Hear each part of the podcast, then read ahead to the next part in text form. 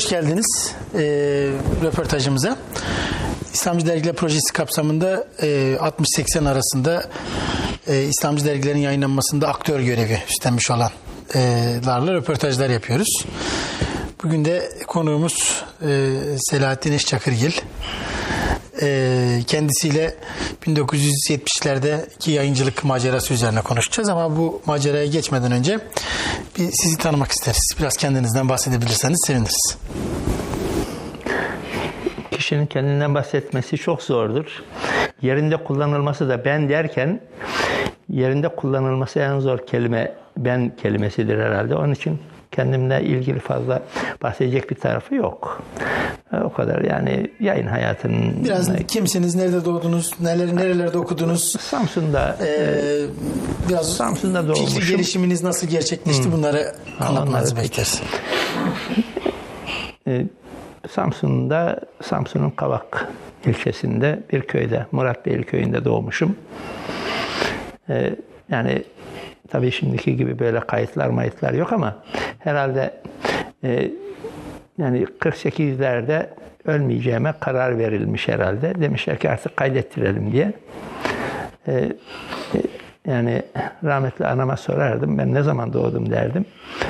Oğlum ne bileyim ben derdi. E, atom bombası mı ne bir şey vardı. Ondan sonraki zemherir ayında derdi. Yani demek ki 1945'lerden 45'in sonlarına doğru zemherir ayında. O zamanlar dünyaya gelmişim. Köyümüzde ilkokul yoktu. Yan taraftaki bir köyde ilkokul vardı. Orada okudum. Sonra ortaokul Kavak'ta okudum. Sonra ee, Ankara'da sağlık e, okulu vardı. Sağlık Bakanlığı'na bağlı yatılı. Oraya girdim güç bela. İmtihan falan değildi de böyle özel e, şeylerle. Çünkü e, 150 kişi alıyorlarmış. Birkaç kişi e, fazla olursa kurayla eleniyor. Biz de onlardan birisiymişiz. Bizim hemşerimiz e, rahmetli Yaşar Doğu vardı, güreşçi. Babam beni ona gönderdi. Git oğlum dedi. Ve o belki işini yapabilir. Gittim Yaşar Doğu'ya Ankara'da. Buldum. Tabii ben Yaşar Doğu deyince böyle şey birisini bekliyordum. Adalı Halil, Koca Yusuf falan gibi dünya şampiyonu falan. Baktım ufak tefek böyle biraz kısa boylu tıknaz birisi. O gitti götürdü okula, e, sağlık okuluna. Müdüre dedi ki böyle böyle dedi. Ben hiç yapmadığım bir şey yapıyorum ama bu çocuk ayağımda da lastik ayakkabılar var. Doğrusu bir şey yani dökülüyorum böyle. Tam e, Ankara'ya gidiyorum ilk olarak. Dedi eğer kurada çekilen, kurada kazananlardan gelmeyen olursa önce bu çocuğu alacağım dedi. Tamam dedi. Bir hafta sonra okul açıldı. Gittim işte bir sürü insan var. Herkes gelenler, kurada kazanamayanlardan 15-20 kişi var. Her birisi milletvekilleriyle geliyor. 59 Demokrat Parti dönemi. Kimisi içeride münakaşa ediliyor falan. Sonra dediler, beni çağırdılar. Dediler Selahattin Eş diye birisi var mı aranızda? Gittim. Müdür dedi oğlum sen miydin dedi Yaşar Doğu'yla gelen. Bendim efendim dedim. Tamam dedim. Meğer bir kişi gelmemiş. Onun yerine beni yazdılar o gelmeyenin yerine. Böylece sağlık okulunda yatılı okudum. Ondan sonra Konya'da e, devlet hastanesinde memur olarak orada laboratuvarlarda çalıştım. Sonra e, efendim e, lise fark derslerini verdik. Sonra e, İstanbul hukuku bitirdim derken sonra e, yazı hayatı biraz 67'lerden beri de esasen e, şeydim böyle ikide bir yazı o zaman Yeni İstanbul vardı. Daha çok bizim cenaha hitap eden. Orada haftada bir falan yazı gönderiyordum. Yazı yayınlanıyordu. Sonra 71, 12 Mart 71 hadisesi olunca askeri darbesi e, bir takım yazarlar e, çekildiler sahneden. Davet ettiler dediler sen bize yazı yaz ya. Ben de daha İstanbul Hukuk 3'teyim. Dedim acaba yazı yazabilir miyim? Günlük yazı falan. Yazarsın yazarsın. Biz senin yazılarını görüyoruz dediler. İyi bismillah dedik. Başladık Babali'de Sabah gazetesi vardı. Ee, Sezai Bey yazardı bir tarafta. Bir yerde Necip Fazıl rahmetli adı değmez imzasıyla yazardı. Birinci sayfada çok mütevazi bir şekilde adı değmez diye yazardı. Şeyleri biraz böyle polemik yazılarını falan orada öyle o mahlasla yazıyor. Ondan sonra öyle bir oradan başladık derken zaten şey bittikten sonra da hukuku bitirdikten sonra da yine yazı hayatımız aynı şekilde oradan devam ettik. O dönem yazdığınız yazıların içeriği neydi? Ne tarz yazılar yazıyorsunuz? Daha yine Aşağı güncel. yukarı bugünkü yazarın çizgisinde sadece Günlük siyasi. E, günlük siyasi ama bir şey var. Oradaki yazı tabi bizim orada musahi olarak kimler vardı çalışıyor? Ömer Lütfi musahi olarak çalışıyordu. Mete, İskender Pala e, musahi olarak öğrenciydi. Yani onlar üniversitede okuyorlardı henüz. E, bir de Şeref Oğuz vardı. Onlar musahi olarak çalışırlardı e, gazetede. Yalnız bana dediler ki gazetede, yalnız dediler yazılarında hiç şey demiyorsun, e, hep İslam kültürü diyorsun. Biz e, İslam kültürü, İslam kültürü ve medeniyeti gibi sözleri tek başına kullanmıyoruz. E, Türk İslam kültür ve medeniyeti diyoruz. Buna dikkat et dediler. İlk olarak belki orada bir e, zihnimde bir çentik koydum oraya dedim. Neyse onu zamanla değiştireceğiz dediler ama ben e, ondan sonra daha dikkatli davrandım. Yani İslam medeniyetine illa Türk İslamı, onu başka yerde de sonra İran İslamı, bilmem Fars İslamı veya Arap İslamı diye ben bunlara karşı olduğum. İşte ta o zamandan da ne demedim. E, bu çizgide bir de işte o dönem tabii Cumhuriyet'in 50. yılı kutlamaları falan var. Ee, Erbakan Hoca'nın siyasi planında Milli Nizam'ın kapatılmasından sonra Milli Selamet Partisi'nin kurulması ve seçimlere hazırlanması dönemi derken e, belli bir çizgimiz vardı. Sanıyorum e, büyük çapta o çizgiden uzaklaşmadığımı düşünüyorum. E, yani öyle. Nasıl oluşmuştu o sizin fikirleriniz? Yani İslam kültürü, yerine- Türk İslam kültürü yerine İslam kültürü deme Onu e, fikriyatınız nasıl oluşmuştu? Ya sizi Yani- etkileyen isimlerden, okuma maceranızdan bahsedebilir e, misiniz? tabii şöyle e, daha çok e, işin doğrusu e, 60 ihtilalinden sonra biraz gözümüz açılır gibi oldu. 60 ihtilalinde öncesi zaten pek öyle e, Demokrat Parti döneminde İslami e, falan diye bir şey yoktu. Bir Hür Adam diye bir gazete çıkardı. Sinan Omur diye birisi çıkarırdı. E, ve onun gazetesinde onun gazetesini okursanız Halk Partisi kafir, Demokrat Parti Müslüman Partisi idi. Sadece onu işlerdi yani. Devamlı onlar mübarek, onlar e, zındık tayfesi gibi. Fakat 27 Mayıs oldu, bu iş bitti. Ben tabii Ankara'daydım Said Nursi vefat ettiğinde. E, Ankara'da hatta e, dediler ki Said Nursi gelmiş şeye e, Erciyes Oteli'nde Anafartalar Caddesi'nde ve göreyim dedim. Gittim orada yukarıda böyle bir duvarın kenarında bir yükseklik vardı. Oradan yukarıya çıktım. Oradan baktım daha tabii demek ki 15 yaşındayım yani. E, bize de e, şemsiye falan şimdi tabii e, Risale-i Nur talebeleri e, Said Nursi'nin fotoğraflarını her yerde yakışıklı fotoğraflarını koyuyorlar. E, Said Nursi resim falan çektirmezdi. Hatta yüzünü kapatırdı çekilmesin diye. Ve etrafındakiler de hemen şemsiye açarlardı. E, ve son işte demek ki Mart'ın e, 20'si falan olsa gerekti. 60'ın. Yani 27 Mayıs'tan iki ay kadar önce. E, orada çıkarken, otelden çıkarken e, Said Nursi'yi o zaman gördüm. Az bir gördüm o şemsiyelerin arasından. Sonra bir arabaya bindirdiler. Urfa'ya gitti. Orada vefat etti. İki ay sonra da 27 Mayıs olduğunda yani vefat etmeseydi herhalde ona çok çektirecekleri vardı şeylerin. E, darbecilerin. taşların. Tabii. Nitekim sonra bir gece e, oradan mezarından çıkardılar. Attılar bir yere. Kimisi Tuz Gölü'ne dedi. Kimisi Akdeniz'e denildi. Cesedi atıldı denildi. Yani öyle bir şey. Ama 61'in e, o dönemde birdenbire 27 Mayıs olduktan sonra piyasa solcu e, tam böyle Marksist değil ama solcu şeylerle fakir fukara edebiyatı. Fakir fukara ise valla ben fakirliğin dibinde idim yani. O yoksulluğun içinden geldim. Ankara'ya gelirken dediğim gibi ayağımda e, Karadeniz'in kara lastikleri vardır böyle. Onlarla bir şimdiki gibi böyle sağlam çoraplar bile olmadı. Pamuk e, çoraplar vardı. Kara lastiğin içinde bir giydiğimizde parmaklar çıkardı akşama. E, delinirdi ona da. Yani öyle yoksulluğun içinden gelmiş birisi olarak.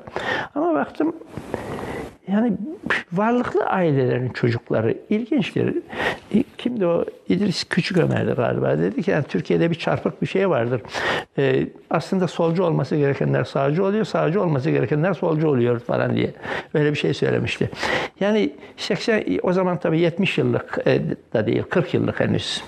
40 yıllık e, iktidarlarını e, koruyabilmek için o zaman e, artık 27 Mayıs'tan sonra e, toplumu e, sol edebiyatla ayakta tutabileceklerini mi düşündüler, ne yaptılarsa bilmiyorum. Ve yazılar, yayınlar falan ya eğer solculuksa bizim solcu olmamız lazım. Fakat onlar da gördüğümüz genel olarak bir dine tepeden bakma, dindar kitlelere tepeden bakma.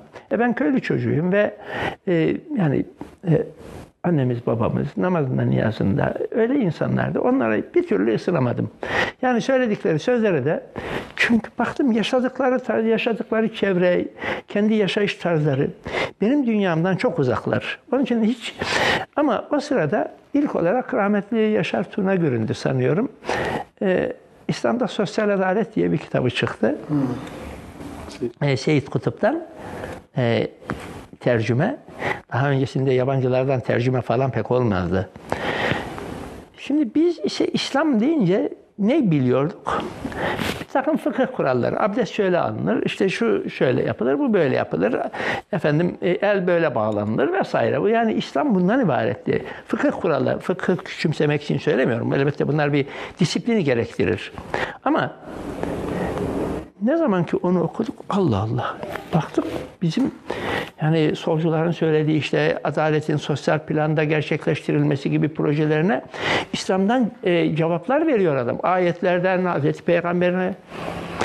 Ve o zaman e, Konya'ya gitmiştim. İlk memuriyetim orada. Konya'da e, daha böyle bir şey. Baktık orada milliyetçiler, milliyetçi hareket diye bir şey gelişiyordu ama milliyetçilerin en e, hızlı kalemi de e, isim vereyim yani mesele değil vefat etti ama e, şeydi o zaman kalem olarak Nihal Atsız'dı. Nihal Atsız'ın Milli Yol diye bir dergi çıkarıyordu veya kendisi mi çıkarıyordu veya da kimdi bilmiyorum ama o dergiyi o dergide bir yazısı vardı. Baktım e, Hazreti Nuh kıssasıyla ilgili Kur'an'da bir şey var. O e, Kur'an'daki ayeti Hazreti Nuh'un işte gemi yapıp e, inananları davet etmesi var. Onunla alay ediyor. Çok e, tuhaf bir şey. Onları tekrarlamak bile istemiyorum yani. Dedim, hatta orada bir abimiz vardı, doktor abimiz. Allah rahmet eylesin Ahmet Said Uğurlu diye. Deli Ahmet derlerdi Konyalılar ama e, bazen delilikle velilik arasında derler hani bir bıçak sırtı gibi ince bir şey vardı.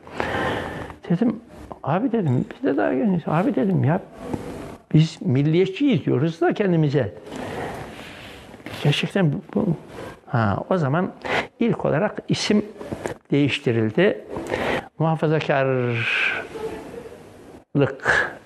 söz konusu edilmeye başlandı. Türkiye Muhafazakarlar Derneği diye bir dernek kuruldu. Hı. Hatta Bursa'da bir e, kurultay yapıldı. E, 1963 falan. Yani o sırada da bize en yakın şey biraz Yeni İstiklal vardı. Evet Şevket İlgin'in. Ama orada da Cevat Rifat Atilhan diye acayip bir e, yani Orta Doğu Hitler denilebilecek tipte her şeyin altında bir Yahudi arayan işte e, Türkçülüğü ise sonuna kadar şey yapan Türkoğlu işte düşmanını tanı işte şurada e, falan yani devamlı enteresan yani karışık duygular içindeydik. Sonra 1960 tabii o sırada Adalet Partisi, Menderes'in idamı vesaire. Menderes'in idamı tabii çok büyük e, toplumu şoke eden bir hadiseydi. E, hiç itiraz falan olmadı ama şimdi düşünün ki Menderes'in e, 69'da, şey, 59'da, 1959 Şubat'ında Kıbrıs Anlaşması'nı imzalamak için, Kıbrıs Cumhuriyeti'ni ortaya çıkaran anlaşmayı imzalamak için Londra'ya gidişi vardır. Londra'da e, İngiliz Başbakanı ve Yunanistan Başbakanı Karamanlis vardı. O bunlar. Oradan bildi geliyor bir e, şeye, uçağa binip gelirken uçak tabii şimdiki uçaklar gibi değil bir şeyde e, sisli şey siste bir dağa çarptı. Epeyce şey 13-14 tane yüksek rütbeli subaylar, bakanlar, MİT müsteşarı o zaman kimdi birileri falan vardı. Bunlar öldüler. Menderes yaralı olarak kurtuldu. Şimdi Menderes'in yaralı olarak kurtulmasından sonra tabii milletin ya uçaktan düştü ölmedi. Evliyaullah'tandır bu falan demeler başladı. yani e, hemen de halkımızın bu şeyleri böyle. Uçurur. Ondan sonra tabii bir ay sonra falan tedaviden sonra geldi. İstanbul'a gelişinde düşünün ki havaalanından e, şehrin merkezine gelinceye kadar yüz binler karşıladı ve e, 15-20 kişi ezildi dediler. E, o kalabalıkta e, öldü, can verdi dediler. Herkes Menderes gibi evliya değil. Şimdi- öyle yani. Ee, İstanbul'da birkaç gün bekledikten sonra Ankara'ya gelecek. Trenle geliyor Ankara'ya. Ankara'ya iki günde gelebildi. Çünkü bütün istasyonlarda e, duruyor tren. On binler toplanmış halk e, kurban kesiyorlar, tekbir sadaları falan yani böyle. Ve nihayet Ankara'ya geldiğinde düşünün ki ben de Ankara'da e, o karşılayanların arasında kalabalığın içinde e, bir genç veya çocuk yaşında birisi. En başta kim var? İsmet Paşa.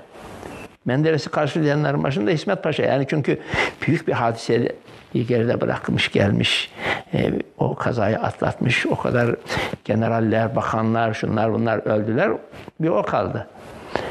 Ve yüz binlerin karşıladığı Menderes 27 Mayıs'tan sonra yargılanırken ve dar ağacına götürülürken tek kimse hiç çıt çıkmadı. Sadece insanlar, ben e, Konya'daydım mesela Menderes idam edildiğinde e, öğle vakti sabahın gazeteleri gelirdi. Saray Meydanı diye valiliğin önünde bir yer var. Oraya gazeteler geldiğinde kapış kapış millet öyle para ödemek falan yok. Artık giderdi o nasıl. Herkes gazeteyi alır. Gazetenin birinci sayfasında ordu tarafından verilmiş bir fotoğraf. Yüzü değil ama arkadan e, beyaz gömlek giydirilmiş, eli arkadan bağlanmış dar ağacına doğru giderken ki bir resmi birinci sayfadan millet sokak aralarına gider kimse görmesin bizi diye orada gizli gizli ağlarlardı. Ama öbür tarafta da Halk Partisi bunu söylemek zorundayım. Parti şeyine getirmek istemiyorum ama davul zurna çalardı, eğlenceler yaparlardı. Yani astık. Yani öyle şoke eden toplumu gerçekten çok büyük bir şok idi. Ondan sonra Menderes öyle gitti Menderes ve arkadaşlar. Kaldı ki o çok feci bir şekilde. O yargılamalar zaten e, yargıda e, şeyin başındaki adam Salim Başval diye bir şey vardı derdi. İtiraz ediyorlar ya böyle yargılama olmaz. E, ceza muhakemeler usulüne aykırıdır denildiğinde e, mahkeme reisi diyordu Yüksek Adalet Divanı Başkanı olarak. Ne yapalım? Sizi buraya tıkan kuvvet böyle istiyor. Aynen bu cümleyi kullanırlar. Sizi buraya tıkan kuvvet böyle istiyor. Açık ki idam edilecek. Ve ettiler sonunda. Yani o şartları, bütün o şokları, o şartlar altında yetişmiş, o şokları yaşamış birisi olarak biraz biraz sanki halbuki önceden İsmet Paşa tarihten gelen bir isim. Kitaplarda resimlerini görürdük falan. O İsmet Paşa büyük adamdı falan. Fakat orada İsmet Paşa falan ve e, rejimin o Kemal Paşa, İsmet Paşa hikayeler falan gözümüzde şöyle bir silindi. Daha sonrasında e, şey e, yine bu Demirel'in etk- etkisinden bahsediyorsunuz bir röportajınızda okumuştum. Sonra Milli Görüş'e geliyorsunuz. Milli Görüş'te 1970'lerin başında Tabii o e, şey Demirel tabii e, Adalet Partisi kuruluyor e, demo, şeyin Demokrat Parti'nin yerine bir yerde. Adalet Partisi milliyetçi muhafazakar kitleleri ve Menderes'in mirasçısı diye geniş kitleler o tarafa yöneldiler. Bir de Ekrem Ali Can'ın Büyük Türkiye Partisi vardı ama o fazla etkili olamadı. İsmet Paşa başbakan oldu üç buçuk sene kadar. Ve Demirel'den önce tabii Ragıp Gümüşbala diye bir e, orgeneral vardı. Emekli orgeneral. Genelkurmay Başkanlığından alınmıştı. Adalet Partisi'nin genel başkanıydı. Ondan sonra o öldü. Yerine bir şey gelecek. E, yeni bir başkan seçilecek. Bir anda tabii biz bu arada Büyük Doğu'yu takip ediyoruz. Büyük Doğu da zaman zaman çıkıyor fırsat buldukça. E, ve Büyük Doğu baktık Saadettin Bilgici e, Adalet Partisi Genel Başkanlığına işte Koca Reis, işte Müftü oğlu vesaire e, ve bir kardeşi vardı. Neydi? Emin Bilgiç mi neydi? O da eski Türkçülerden falan. Yani milliyetçi muhafazakar karması bir şey e, olabilir diye tutturulur diye. Süleyman Demirel ise masonluğunu hemen ilan ettiler. Masondur falan. Belgeler yayınlandı. Doğru muydu, sahih miydi bilmiyorum ama o geldi kongreye geldi. 64 Eylül veya Ekim'inde kongrede tabii önce bir Amerikan başkanı o zaman Kennedy öldürülünce onun yerine geçen Lyndon Johnson vardı. Johnson'la kol kola bir fotoğrafı var. Süleyman Demirel'in bir onu yayınlıyor. Bir de e, masonluğu nasıl e, şey yapacak? E, masonluk iddiasını nasıl etkisiz hale getirecek? O bir problemdi. Onu geldi çok ilginç bir cümle kurdu. Kurnazdı Demirel yani. Hiç masonluğuna, mason, masonluk iddialarına değinmedi. Dedi ki ben evinde Kur'an okunmadan sabah kahvaltısı yapılmayan bir ailede büyüdüm. Ben böyle bir ailenin çocuğuyum. Ve ben köylü çocuğuyum ve İslam köylüyüm. Bitti. Ve İslam kelimesini belki de politik alanda ilk kullananlardan birisidir e, Süleyman Demirel. Menderes'in öyle bir şey yoktu. E Menderes sadece İstanbul'a geldiği zaman bir Eyüp Sultan'a giderdi. Eyüp Sultan'da halılar eskidiyse halılar yenilenir. Bu bütün Türkiye'ye hemen yayılırdı. Eyüp Sultan e, caminin halılarını yeniletmiş e, Menderes diye. Onun dışında öyle İslami motifler falan pek yoktu ama Süleyman Demirel 64'te ilk olarak bunu söylediği zaman biraz kendimize arkasından Türkeş e, sürgünden sürgüne gönderilmişti 27 Mayıs'tan 6 ay 8 ay sonra Milli Birlik Komitesi içindeki bir bölünmede Türkeş ve 14 arkadaşı onlar 14'ler diye o da Hindistan'a gönderilmişti. Hindistan'dan geldi Milliyetçi Hareket Partisi, Cumhuriyetçi Köylü Millet Partisi vardı. Onu ele geçirdi. Milliyetçi Hareket Partisi'ne dönüştürdü onu. Ve şimdi Süleyman Demirel e, İslam'dan bahsederek yolu açtığı zaman e, Türkeş ondan geride kalmadı. Biz dedi Tanrı Dağı kadar Türk, Hira Dağı kadar Müslüman. Öf! Bir genç insan 22 yaşında, 20 yaşlarında düşünün. Artık 65'lerde 20 yaşlarındaki bir genç için müthiş bir söz bu. Dedik Türkeş'e doğru fakat biraz e, e, işte 61'lerdeki o nihalatsızdan kalma e, Kur'an'la alay eden, Kur'an kıssalarıyla alay eden anlayış zihnimizde hala. Sonra zaten e, Milliyetçi Hareket Partisi içinde de Bozkurtçular ve Üç Hilalciler diye bir bölünme oldu. E, üç Hilalciler e, İslami kanadı temsil ediyordu. Faruk Akkülah mı ne vardı birisi vardı Adana tarafından etkili birisiydi galiba. E, Türkeş ortada denge unsuru gibiydi falan ama arkasından işte e, Necmettin Erbakan'ın e, merhumun Odalar Birliği Başkanlığı hikayesi çıktı. Odalar Birliği aslında bunlar küçük gibi şeyler ama bizim hayatımızı, fikri hayatımızı şekillendiren şeyler bunlar.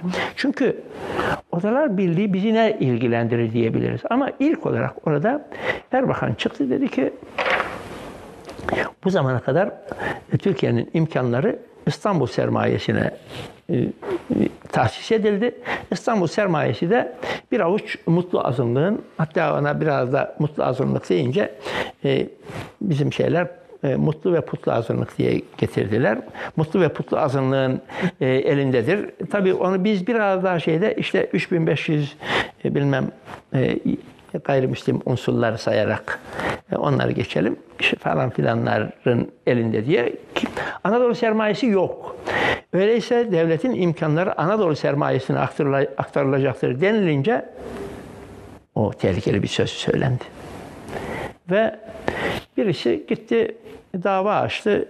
E, seçimler, Odalar Birliği seçimleri e, yanlıştır diye, şey e, kanunsuzdur diye.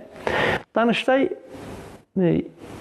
kanuna uygundur diye karar verdi. Fakat Süleyman Demirel başbakan olmuştu. 66 67'deydi galiba. 67'deydi. Cumhurbaşkanı Cevdet Sunay oldu. Cemal Gürsel'in şeyinden sonra uzun 7 ay süren komasından sonra Genelkurmay Başkanlığından Cevdet Sunay'a getirmişler. Cevdet Sunay ile Süleyman Demirel ikisi de dedi ki Danıştay'ın kararını me, gazeteler, medya denilmiyordu o zaman. Matbuat yanlış okudu. Orada aslında e, Danıştay kararına göre e, Necmettin Erbakan'ın başkan olmadığı anlaşılıyor diye bir yorum yaptılar. Ve polis de gitti, baskın yaptı. Erbakan'ı çıkardı oradan. Hmm, bununla biz bir yerde Anadolu sermayesi ve Anadolu'yu sömüren bir avuç e, mutlu ve putlu azınlık hikayesi. Bizim şekillenmemiz ister istemez saflarımız belli olmaya başladı. Yani o kadar e, belli bir ben mesela İmam Hatip e, kökenli falan da değilim. Öyle bir hani İslami bir e, formasyon almış diyelim. Köyümüzde belki ilkokuldan önce veya ilkokuldayken biraz Molla Ahmet diye birisi vardı. Ta dedemin arkadaşlarından. Ondan belki biraz Elif cüzü falan okurduk. Ama o kadar. Yani onun için e, o dönem 67'de e, Erbakan'ın ortaya çıkışı bizi bu sefer Türkeş'in Tanrı Dağı kadar Türk e, şey kadar e, e, Hira Dağı kadar Müslümanın sözünden de ama bir de sizinki Hazreti İbrahim'in yolculuğuna benzemiş. Ondan sonra yalnız Samsun'da da bir arada burada şu var. Samsun'da da bir gazete çıkıyor. E, hiç böyle rengi falan belli olmayan bir gazete adından da anlaşılacağı üzere e, Türk Kanı gazetesi. Gazetenin bir e, tarafında e, bir e, şeyde logonun sağında Mustafa Kemal'in işte Türklük aleminin en büyük düşmanı komünizmdir. Her görüldüğü yerde ezilmeli cümlesi var. Sol tarafında logonun e, manşetin sol tarafında ise Said Nursi'nin bir cümlesi var. Türkler e, riyaset Türklere mahsustur. E, efendim Kürtler e, ancak bu kuvvetli bedenin e, kuvvetli bedenin kuvvetli bazıları hükmündedir falan. Çok da hoşumuza giderdi önce. Ya yani demek ki bize kopya veriyor yani. Hem de bazıları Said'i Kürdi falan da derlerdi ama yine de ilginçti yani. 1959-60'larda daha bunları orada bir özgüven veriyordu herhalde. Ya Allah Allah falan ama sonra baktık bu yanlış bir şey. Bu yani Türk Kürt falan diye yani ayrım yapmak insanları çünkü sonra sonra biraz daha şey yaptığımızda işte 65'lerde yavaş yavaş bazı şeyler okurken hatta bir gün 67'de hukuk fakültesindeyken Tarık Zafer Tuna'ya bir derste bir şey söyledi. Dedi ki evet dedi İttihatçılar, İttihat Terakkiciler e, İslamcıların üzerinden bir buldozer gibi geçmişlerdir diye. Ama benimseyerek de o havayı. Yani bir daha başlarını kaldıramazlar şeklinde. Ve zaten şeyde 800 kişilik amfi vardı büyük amfide hukuk fakültesinde. Yani yüzde sekseni aşağı yukarı solcu e, ve internasyonel marşını falan söyleyen çocuklar komünistlerin. Yüzde on beş kadar falan da ülkücü bir şeyler söylerlerdi. Biraz da bir, biraz da ey amca tipi falan denilirdi. Biraz da böyle namaz falan zaten bir tane bile örtülü kızımız olmazdı. Ve ben bakardım acaba bunların içinde şöyle bir kendime yakın kimi bulabilirim diye. Giderdim mesela filanca herhalde bir giderdim. Affedersiniz geçen haftaki derse gelmemiştim. Onun notlarını verir misiniz bana? Bir not alayım diye. Verirlerdi. Gider iade ederdim. Allah razı olsun. Allah razı olsun demeyin. Yani korkumuzdan yani böyle Allah razı olsun falan açıktan söylenmesi mümkün değil. Hatta Servet Armağan vardı. Doçentti o zaman. Üniversitenin bahçesinden geçerken ona selamun aleyküm derdim. Biliyorum çünkü onun e, o beni tanımıyor ama ben onu tanıyorum. E, mütedeyyin bir zat oldu. Ailesi falan e, Fatih'te görürdüm. O da başını sallardı. Sonra ben her zaman böyle giderken onu gördüğümde selamun aleyküm derdim. O da başını sallardı. Sonra demiş ki ya bu arkadaşa söyleyin. Yanımdan geçerken başını sallasın. Ben anlarım. Ee, ben anlarım. Ben içimden aleyküm selam derim ama orada "Se- selamun aleyküm diyor ben başımı sallıyorum olmuyor falan demiş. Tabii yani enteresan böyle bir dönem. Şimdi e, 70'lerin başına doğru gelecek olursak 70'ler şimdi işte o dönem e, Erbakan'ın o şey 67'ler, hareketi- 68'ler e, ve 69 seçimleri vardı. 69 seçimlerinde Erbakan e, doğrudan doğruya Adalet Partisi'ne girdi, kaydını yaptırdı Konya'da. Ama e, Süleyman Demirel veto etti. O da hemen bağımsız olarak e, seçimlere katıldı. Bağımsız olarak işte o Hüseyin neydi? Hüseyin'den Tokat Milletvekili Hüseyin soyadını unuttum. Bir de Hüsamettin Akmumcu vardı, Isparta milletvekili. Üç kişi Milli Nizam Partisi'ni kurdular ama Milli Nizam Partisi üç kişilik bir şey olarak meclisi bir yerde tip Türkiye İşçi Partisi'nin işte Çetin Altanlar şunlar bunlar var. Onlar Marksist söylemlerle meclisi sarılıyorlar. Mehmet Ali Aybarlar vesaire. Ee, ve onun karşısında da üç kişilik Milli Nizam Partisi. E, aynı şekilde meclisi e, haliyle bizi heyecanlandırıyordu. Ve bizim o günkü e, birçok bilmediğimiz konuları veyahut da söyle, söyleyemediğimiz konuları meclis kürsüsünden söyleyebiliyorlardı. Ki mesela İstanbul Kongresi yapıldığı zaman Milli Nizam Partisi'nin şeyde e, Yeni Kapı'da orada bir e, bir şey düğün salonu muydu veya gazino muydu neyse Çakıl Gazinosu mu ne vardı orada. Orada 5000 kişi kongre bitti. Hatta Eşref Edip falan vardı. E, efendim Eşref Edip var mıydı bilmiyorum ama Fahir, şey, Mahir İz vardı vesaire. Erbakan Hoca geldi. Hadi ondan sonra kongre bitti. Yani binlerce insan kol kola girip Aksaray'dan düşünün Saraçhane'ye doğru geliyoruz. Saraçhane'den de Fatih Camii'ne doğru geliyoruz. Ee, Abdurrahim Karakoç'un meşhur Hür Dünya'nın göbeğine Hak Yol İslam yazacağız, memurun masasına, generalin e, bilmem nesine, e, paşaların bilmem nesine falan diye Hak Yol İslam yazacağız diye. Ama her birimiz bu marşı boğazlarımız heyecanlanarak böyle şeyde bir adeta ağlayacak sevinçten bir gücüz. Ve belki 5000 kişi yürüyoruz. Etrafımızda e, 150-200 kadar polis var. Pek ciddiye almıyorlardı. Hatta sonra birisi e, Erbakan'la karşılaşmamızda Almanya'da bir, birisi dedi ki ya hocam eskiden dedi bize hiç baskı yapmazlardı dedi. Şimdi niye baskı yapıyorlar? E, 98'deydi bu. Dedi ki sen ne diyorsun Selahattin dedi hoca. Dedim hocam bakın ben size bir şey anlatayım dedim. O oradan çıkarsın dedim. 71-72'lerde e, Aksaray'dan yürüyorduk. Binlerce insan Hak Yol İslam yazacağız Türk'ün anayasasına falan diye bu marşı okuyarak geliyorduk. Ve etrafımızda 150 kadar polis vardı. Şimdi dedim Hak Yol İslam yazacağız diye bir marş okumaya kalkışacak olsak tankları getirirler. Yani dedim buradan anlasın. O zaman ciddiye almıyorlardı. Tehlike olarak görmüyorlardı. Şimdi ise tehlike ama 1970'ler e, çok heyecanlı ama tabii e, manipüle edilen taraflar da yok değildi. Bazı e, iki taraflı da yani bir yerde bugün gazetesini Şevket Eygi çıkarıyordu. Sabah da biraz onun elindeydi. E, ve sabah namazları icat etmişti. icat diyeyim, o kelimeyi kullanayım.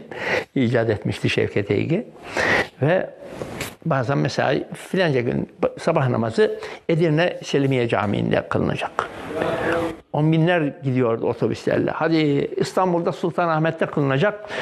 On binler toplanıyor. Hatta Sultanahmet'teki sabah namazında düşünün ki 50 bine yakın insan her taraf bütün meydan dolmuş sabah namazı kılınacak.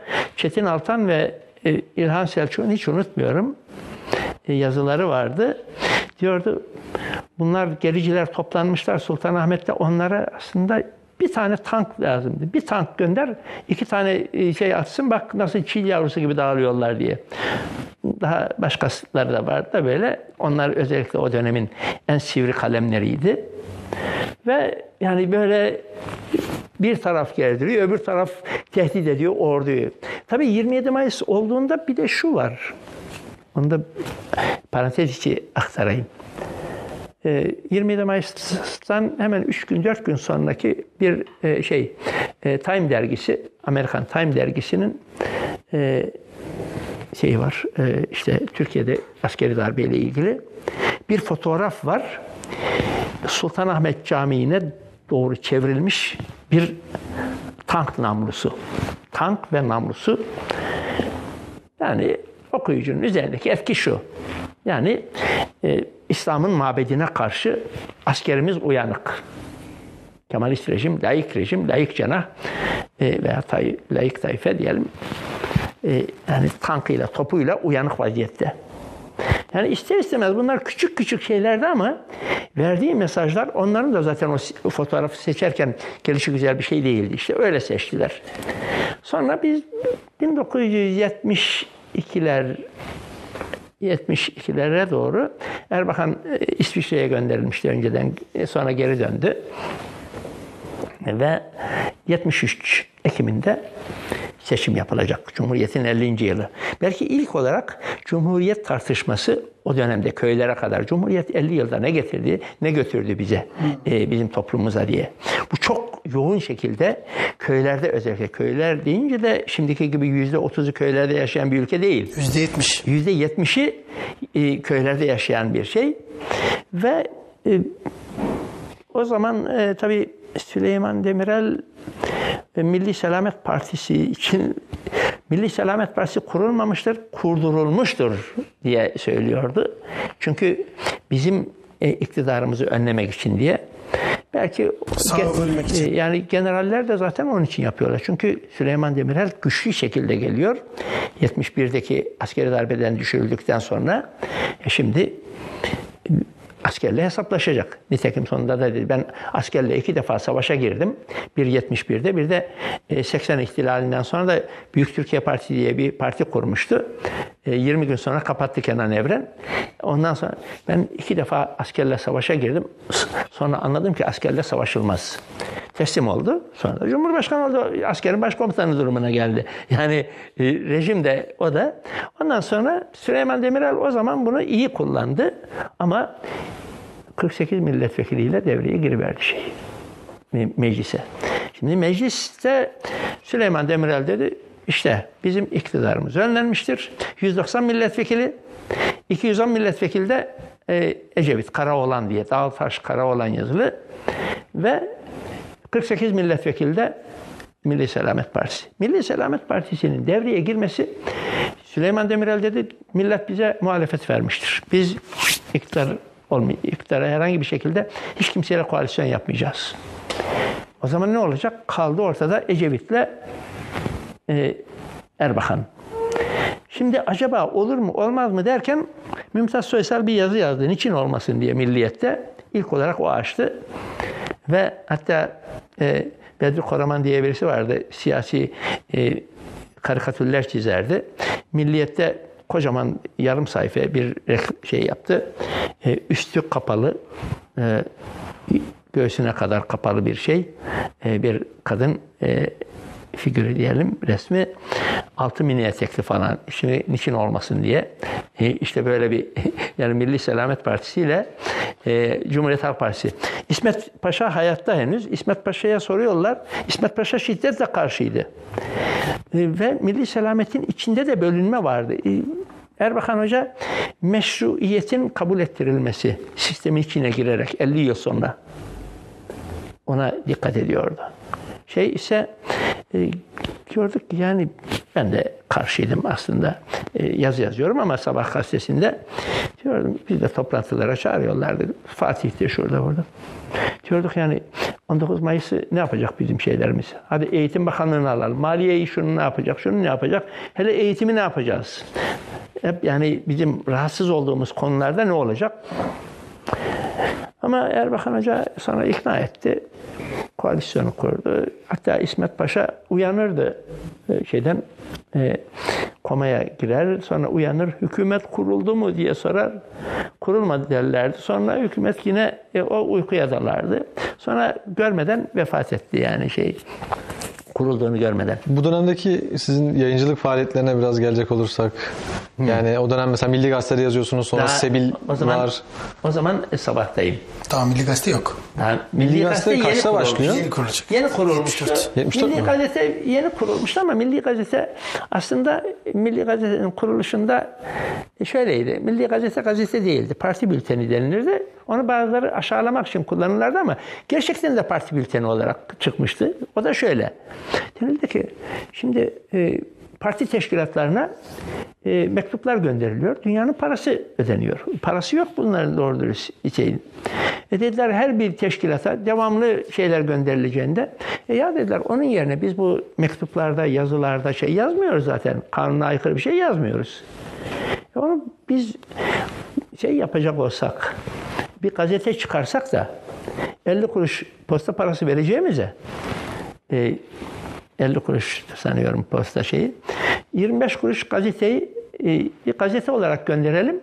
E, yani ondan da 16 kuruş mu ne alıyorlardı postanelerde dağıtım e, e, parası olarak. E, o şekilde olsa daha iyi olmaz mı? E, nitekim öyle yaptılar. Tam parti bülteni olarak çıkmak üzere çıkarım. Hem de fikirlerimizi yayan bir gazete olur. Fena fikir değildi. Sonra hani gırgır olarak dediler ya parti bülteni gibi. Zaten parti bülteni olarak çıkma üzere çıkarılmıştı. Sonra işte Sabah gazetesinde Babal'de sabahtan e, ayrılmak e, durumunda kaldım. Orası çünkü Süleymancılı denilen kesimin eline geçmişti. E, orada da bir müddet devam ettim ama sonra onlar e, Türkeş tarafına yatınca baktılar aramızda bir problem var. Ben e, sonra Erbakan Hoca çağırdı Ankara'ya gittim. Sen dedi e, Sabah gazetesinde güzel yazılar yazıyordun muhterem kardeşim dedi. E, efendim şimdi dedi Milli Gazetemizde yazacaksın dedi. İyi dedik. Derken, Bu arada siz mesleğinizi icra ediyor muydunuz? tabii. Yani avukatlık ya da E, yok avukatlık yapmıyorum. Siz sağlık E, memuru e, ben musunuz? Sağlık sağlık teşkilatında hala şey yapıyorum. Ben avukatlık stajını da yaptım ama e, hiç e, avukatlık falan yapmadım. Hukukla ilgili ilgilenmedim. Çünkü o ayrı bir fasıl. Ama yani 74'te 73 tabii ben daha Sabah gazetesinde yazarken Sabah gazetesinde e, bu Kıbrıs meselesi 74'te Kıbrıs'a çıkarma yapılması.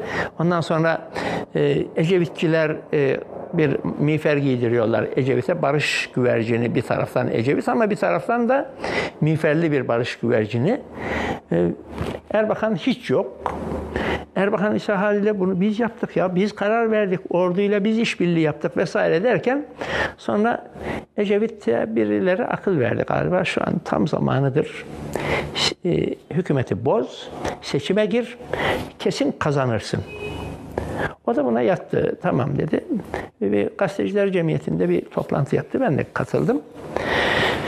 Ee, herkes sorular soruyor. Önce konuşmasını yaptı. Ee, sorular, sor, ben de 5-6 tane soru sordum. Sorulardan e, okkalı sorulardı ama dedim ki çünkü e, Kıbrıs meselesi üzerine NATO'dan çekildi Yunanistan. NATO seyirci kaldı Kıbrıs'a müdahaleye diye. Hemen Ecevit dedi ki NATO'dan e, NATO'da meydana gelen boşluğu Yunanistan'ın ayrılmasıyla meydana gelen boşluğu biz doldururuz. Sorunun birisi buydu. Dedim ki NATO e, emperyalizmin e, bir e, sömürge e, gücü olarak e, ortaya çıkmış bir kuruluştur. Sadece Doğu e, şeyine karşı, blokuna karşı değil. Bunun yerini dolduracağız derken böylece de emperyalizme hizmet etmiş olmayacak mısınız diye tabi okunduğu zaman biraz bocaladı. Ben dedi emperyalizmin e, sömürge gücü demedim hiçbir zaman NATO'ya dedi. Onu ben diyorum dedim. Baktılar Allah kim bu da genciz de tabii. Faizleri dedim belki de bir faizlerin arttırılmasını şey yapıyorsunuz. Faizler yükseliyor çünkü savunuyorsunuz. E, kapitalizmin tarih boyunca en sürekli sömürü aracıdır faiz. Siz, siz faizleri yükseltiyorsunuz ve savunuyorsunuz. Onu da dedi, bu dedi bütün Müslüman ülkelerinde de dedi, bu böyledir dedi. Yani faize karşı çıkarlar ama faiz vardır dedi. Ben e, ilke olarak soruyorum dedim. Sonra bir soru da şuydu. Dedim ki son günlerde ikide bir e, biz Kıbrıs'a fetih niyetiyle gitmedik. E, biz barış götürmek için gittik oraya diyorsunuz.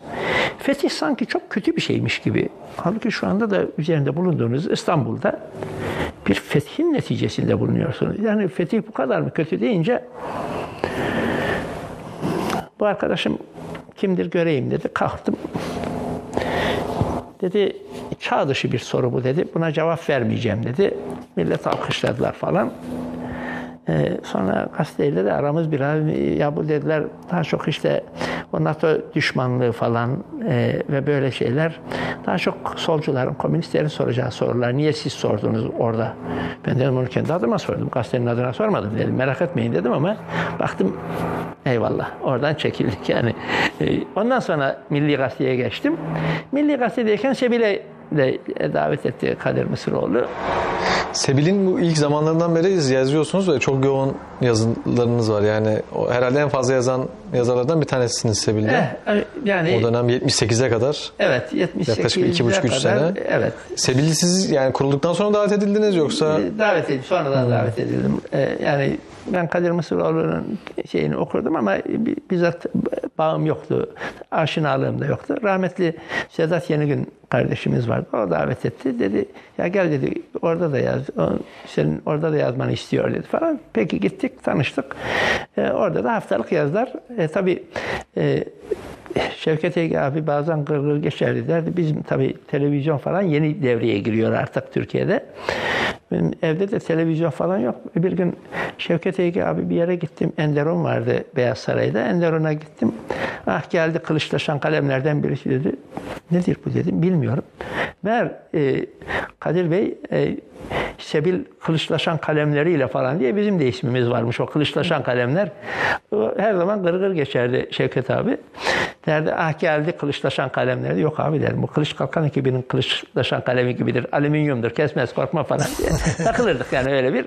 E, şimdi o dönemde tabii Milli Gazete e, ve tabii bizim sabahtaki sabahtaki bir yazımdan dolayı Korutürk e, egzantrik İslamcılar diye bir deyim kullanmıştı. Ben de Korutürk ve din anlayışı diye bir yazı yazmıştım.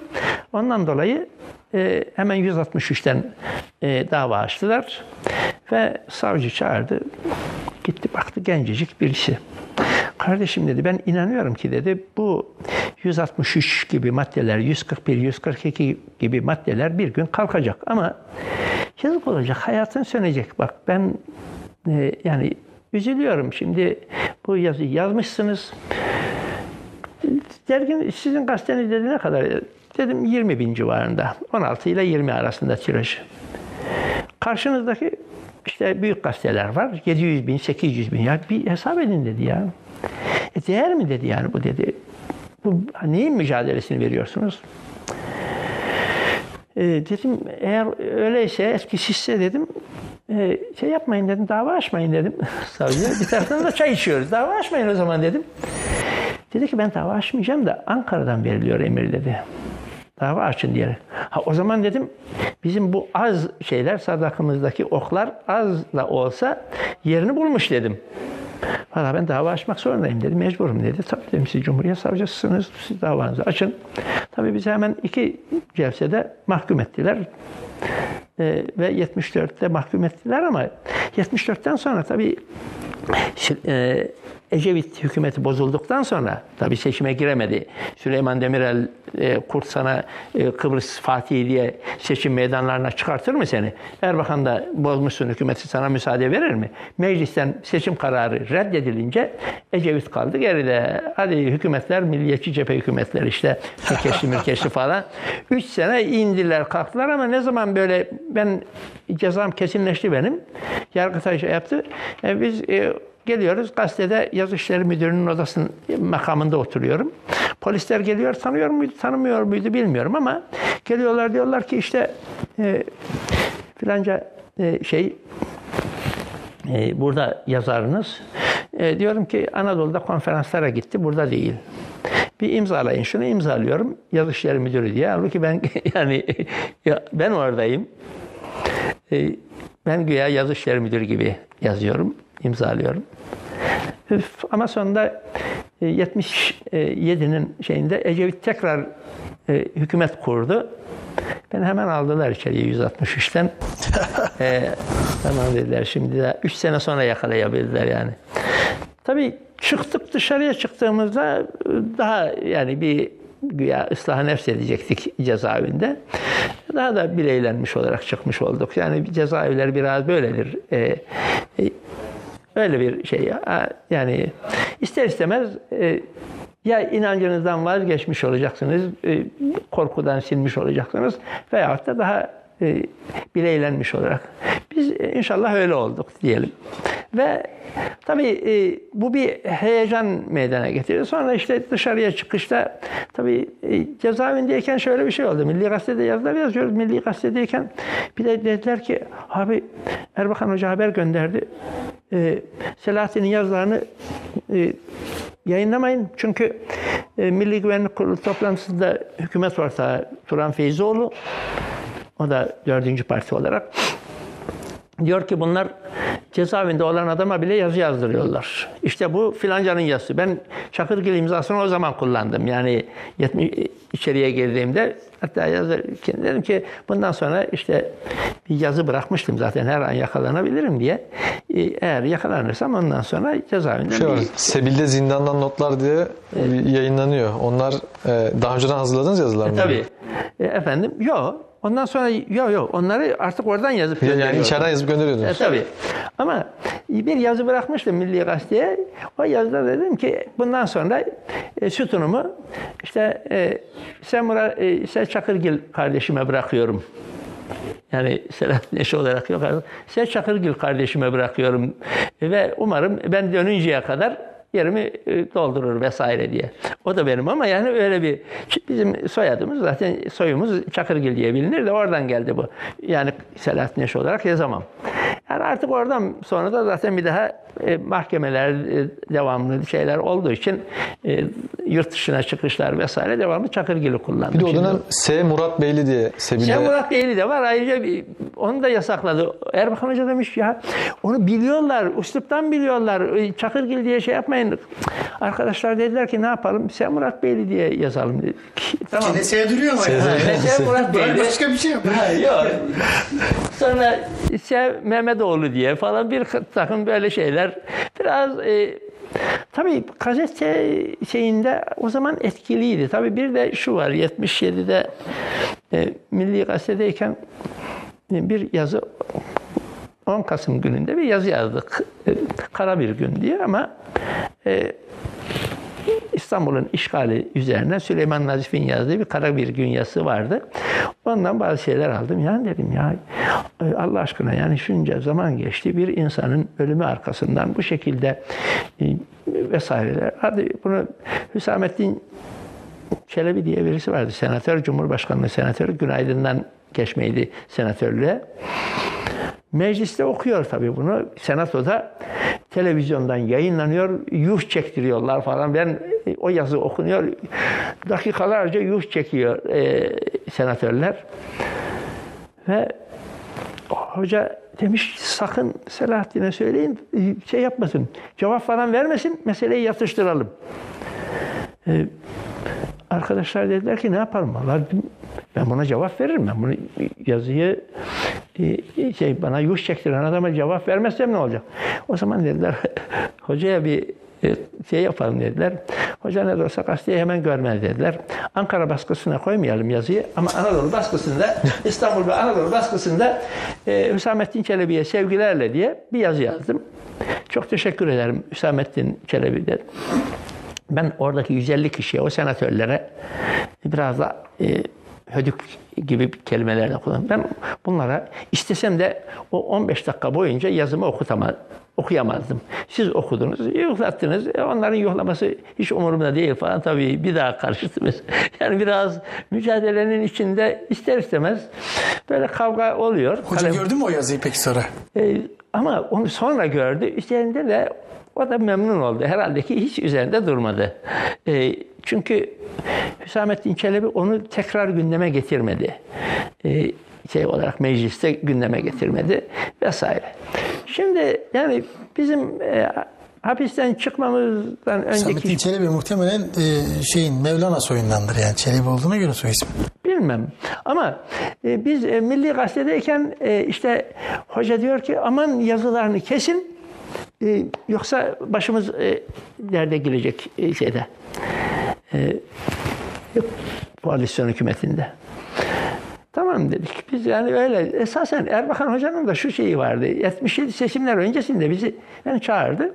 Dedi ki önce haber göndermiş. Demiş ki şöyle seçimlerde şey yapalım. Ee, yazarlar e, yüksek rakamlarla tahminde bulunsunlar. İşte kimisi 150 yazıyordu, kimisi 240'ın için olmasın, e, öyle için olmasın yani 240 da olur, 226 lazımdı 450 milletvekilinde. Ben yazmıyordum. Selahattin niye yazmıyor? Demişler yazmıyor efendim. Onu gönderin de şifalandıralım diye o şifaya muhtaç diye rahmetli hocanın öyle bir esprisi vardı. Gittim Ankara'ya. Muhterem kardeşim dedi bak dedi bugün gazetenin birinci sayfasında yazmışız dedi. O manşetleri de kendisi verir zaten gazetede. Yazmışız diyor. Ee, Ege'de Halk Partisi çöktü. Adalet Partisi eriyor. MSP güçleniyor demişiz dedi. Şimdi bu bugün haber birinci sayfada. Yarın okuyucu diyecek ki bakalım muhterem Selahattin Bey kardeşimiz ne yazmış burada? Açacak diyeceksiniz ki muhterem okuyucularımız dün gazetemizin birinci sayfasında gördüğünüz üzere Ege'de Halk Partisi çöktü, Adalet Partisi e, eriyor, MSP güçleniyor. İşte 40 yıllık Halk Partisi'nin için çöktü, Adalet Partisi'nin için eriyor ve MSP'nin için güçleniyor. Bunu yorumlayacaksınız. Dün haberde bugün yorum oluyor. Vallahi hocam ben kusura bakmayın dedim. Böyle yani hadi bakalım böyle yazılar yazacaksın. Ben yazamam hocam dedim. Kusura bakmayın dedim. Ve emaneti sizden aldım. Yazı yazmayı iade ediyorum. Yo muhterem kardeşim öyle şey yok. Sen dedi böyle alınganlık da yok. Şimdi dedi senin eline bir balta verdik. Buradan bir araba geçireceğiz. Bu çalı çırpıyı temizleyeceksin. Sen ise dedi baltayı bırakmışsın, e, sırtına asmışsın. Elindeki havan toplarıyla yedi e, dağın arkasındaki mevzileri bombardıman ediyorsun. Muhterem kardeşim daha oraya gelmedik biz. Tabii onun mantığına göre doğru da. yani Ne gidiyorsun diye. Bir gün gelecek yazılarınızı, sizin yazılarınızı tarih kitaplarına koyacağız. Ama şimdi böyle yap. Vallahi hocam ben kusura bakmayın onu yapamam dedim. Geldi kucaklar falan hadi bakalım doğru İstanbul'a git. İstanbul'da şöyle e, güzel yazılar bekliyorum senden dediğim gibi dedi. Ben yine hiç oralı olmadım. Tabii 48 milletvekilinden 24'e düştük. Hiç kimse bir şey yazamıyor. Herkesin ağzı bağlandı. Ben tabii sadece şey yazısı yazmıyorum. İkinci sayfada uzun yazılarım da bir de birinci sayfadan yetmiyor artık. Birinci sayfadan da Sen Beyli imzasıyla falan da demin dedin. O imzalarla da yazılar yazıyorum. İşte Ecevit'e Demirel'e falan cevap bir de Layık Cephe'nin yazdıklarına bizimle alay ediyorlar. 24'e düştüler işte böyle halkın iradesi budur falan. Halkın şamarını yediniz falan. Ve 20 gün sonra gazeteye geldi hoca dedi ki gel bakalım muhterem kardeşim seni bir kucaklayayım. Seçimlerden sonra özellikle teşkilatı dipdiri ayakta tutan senin yazıların oldu deyince tabii diyemedim hocam eğer ben de diğer arkadaşlar gibi 150-200 deseydim ben o yazıları yazamazdım diyemedim. Öyle bir yani gazete şeyinden sonra bir... Biz Sebil'den ayrılışınız var bu 1978'de. Oradan Şura, Tevhid, Hicret Çıkacak. çizgisine geçeceksiniz yani geçiyorsunuz. Hatta Hicret'i siz çıkartıyorsunuz. Şimdi o bir şey, Sebil e, biraz ayrı bir meseleydi. Tabii e, Kadir Bey, ben e, hapisten çıkacağım sırada bir hafta öncesinde bir baktım. Gazetenin başlığına kocaman harflerle e, işte yeni umumi neşriyat müdürümüz filanca Selahattin Eş. Hatta e, manşetin şeyin ismin de üzerinde kocaman harflerle Ziyarete geldi. Gebze'deydim cezaevinde. Abi dedim bu ne? Ee, dedi ki hep başkaları istismar edecek değil ya seni. Ben biraz da ben edeyim. Dedim abi istismar etmek için bir şeyin bir değerin olması lazım. Ben de öyle bir değer yok dedim. Ben yani e, falan diye geçiştirdim ama emri vaki yaptı. Kendiliğinden biz e, otomatik olarak Umumi Neşriyat Müdürü olduk ama o sırada da İran'daki bu inkılap hareketlerinin gelişmesi artık e, ben cezaevindeyken İran'da ilk olarak gösteriler başladı 77'nin ortasında. Ve bir gün hatta e, İran'dan haberler verirken bugün ilk olarak Şah'ın ve babasının heykellerine saldırıldı, yıkıldı. Efendim devlet dairelerinden e, fotoğrafları caddelere atılıp ateşe verildi falan. Ben cezaevindeyim, Paşa Kapısı'ndayım. E, televizyonda o baktım. O bu çok müthiş bir şey ya. Neresi müthiş dediler. Orada da bizim birinci koğuştu böyle. E, en böyle kalantorların kaldığı, böyle kaçakçıların şunların bunların kaldığı e, öyle şey oraya vermişler beni de. E, katillerin en azılları falan da var orada. Neresi dediler? Dedim ya bu yani düşünün ki Türkiye'de benzeri birisinin yani işte Mustafa Kemal'in resimleri e, devlet dairelerinden sokak aman o böyle şeyler söyleme ya başımızı ya ne, ne korkuyoruz yani cezaevi diye zaten bir daha mı cezaevine atacaklar falan. Ama dedim aynen bu mana ben anlatmak için dedim mukayese için dedim. Gerçekten de hadise o kadar ilk olarak daha önceden de hadiseler olurdu İran'da ama yani heykellere saldırılması, yıkılması, efendim resimlerin devlet sonra paralarda gözlerinin oyulması, e, sigarayla yakılıp e, Şah'ın gözlerinin oyulması ve o paralar geçiyor piyasada. Yakılmış e, şeyler falan. Gözleri oyulmuş şeyler. Düşünebiliyor musun böyle? Ve e, o e, hava var. E şimdi e, Kadir Bey biraz daha tabii e, Osmanlı, İran'ın tarihinde daima Türkler şöyle etkili olmuşlardır, böyle etkili olmuşlardır. Yine onlar etkili olacaktır. Ya bu İran'dan gelen havayı bize yansıtmıyor. Sonra e, Şura da ben hapisteyken çıkmaya başladı. E, Gebze'ye getirdiler bir gün. Şura'yı getirdiler Yılmazlar. Yılmaz Yalçıner. Baktım e, İran şeriat istiyor diye bir başlık atmış Yılmaz. Yani doğru dürüst İran'la haberimiz yok yani doğru, e, bir ilgimiz de yok. Yılmaz dedim nereden çıkardın bu şeriat istiyor ya? Yarın bir gün başka şey çıkar. Çünkü İran'da güçlü bir komünist hareket vardı. Şah onları izliyor ama halk seyirci kalıyordu. Onları da kurşuna diziyordu Şah. Hem de grup grup, kitleler halinde. O var ama yani İslamcı bir hareket. Vallahi dedi ya Londra'da bir gösteri gördüm dedi. Hyde Park'ta yapılmış bir gösteri. 70-80 e, kişi gelmişler La ilahe illallah Muhammed Resulullah diye bir filama e, gelmişler. Onu görünce dedi onu aldım dedi İran şeriat istiyorum. Vallahi yani bu bizi şeye düşürebilir de Tonga'ya düşür. Vallahi temennim dedi. Gönlümde bunu istedi. Tabii biz ondan sonra e, İran'la yakından ilgilenmeye başladık. Yakından ilgilenme derken haberlerine burada çok çünkü İran'dan da Allahu Ekber sesleri yükselmeye başlıyor. Çarşaflı kadınlar falan ve tabii hadiseler de bizi yorumluyor. iyi e, takip ediyor. Hadiseler de bize e, yorum kazandırıyor. Genelkurmay bir sıfır yönetim de vardı.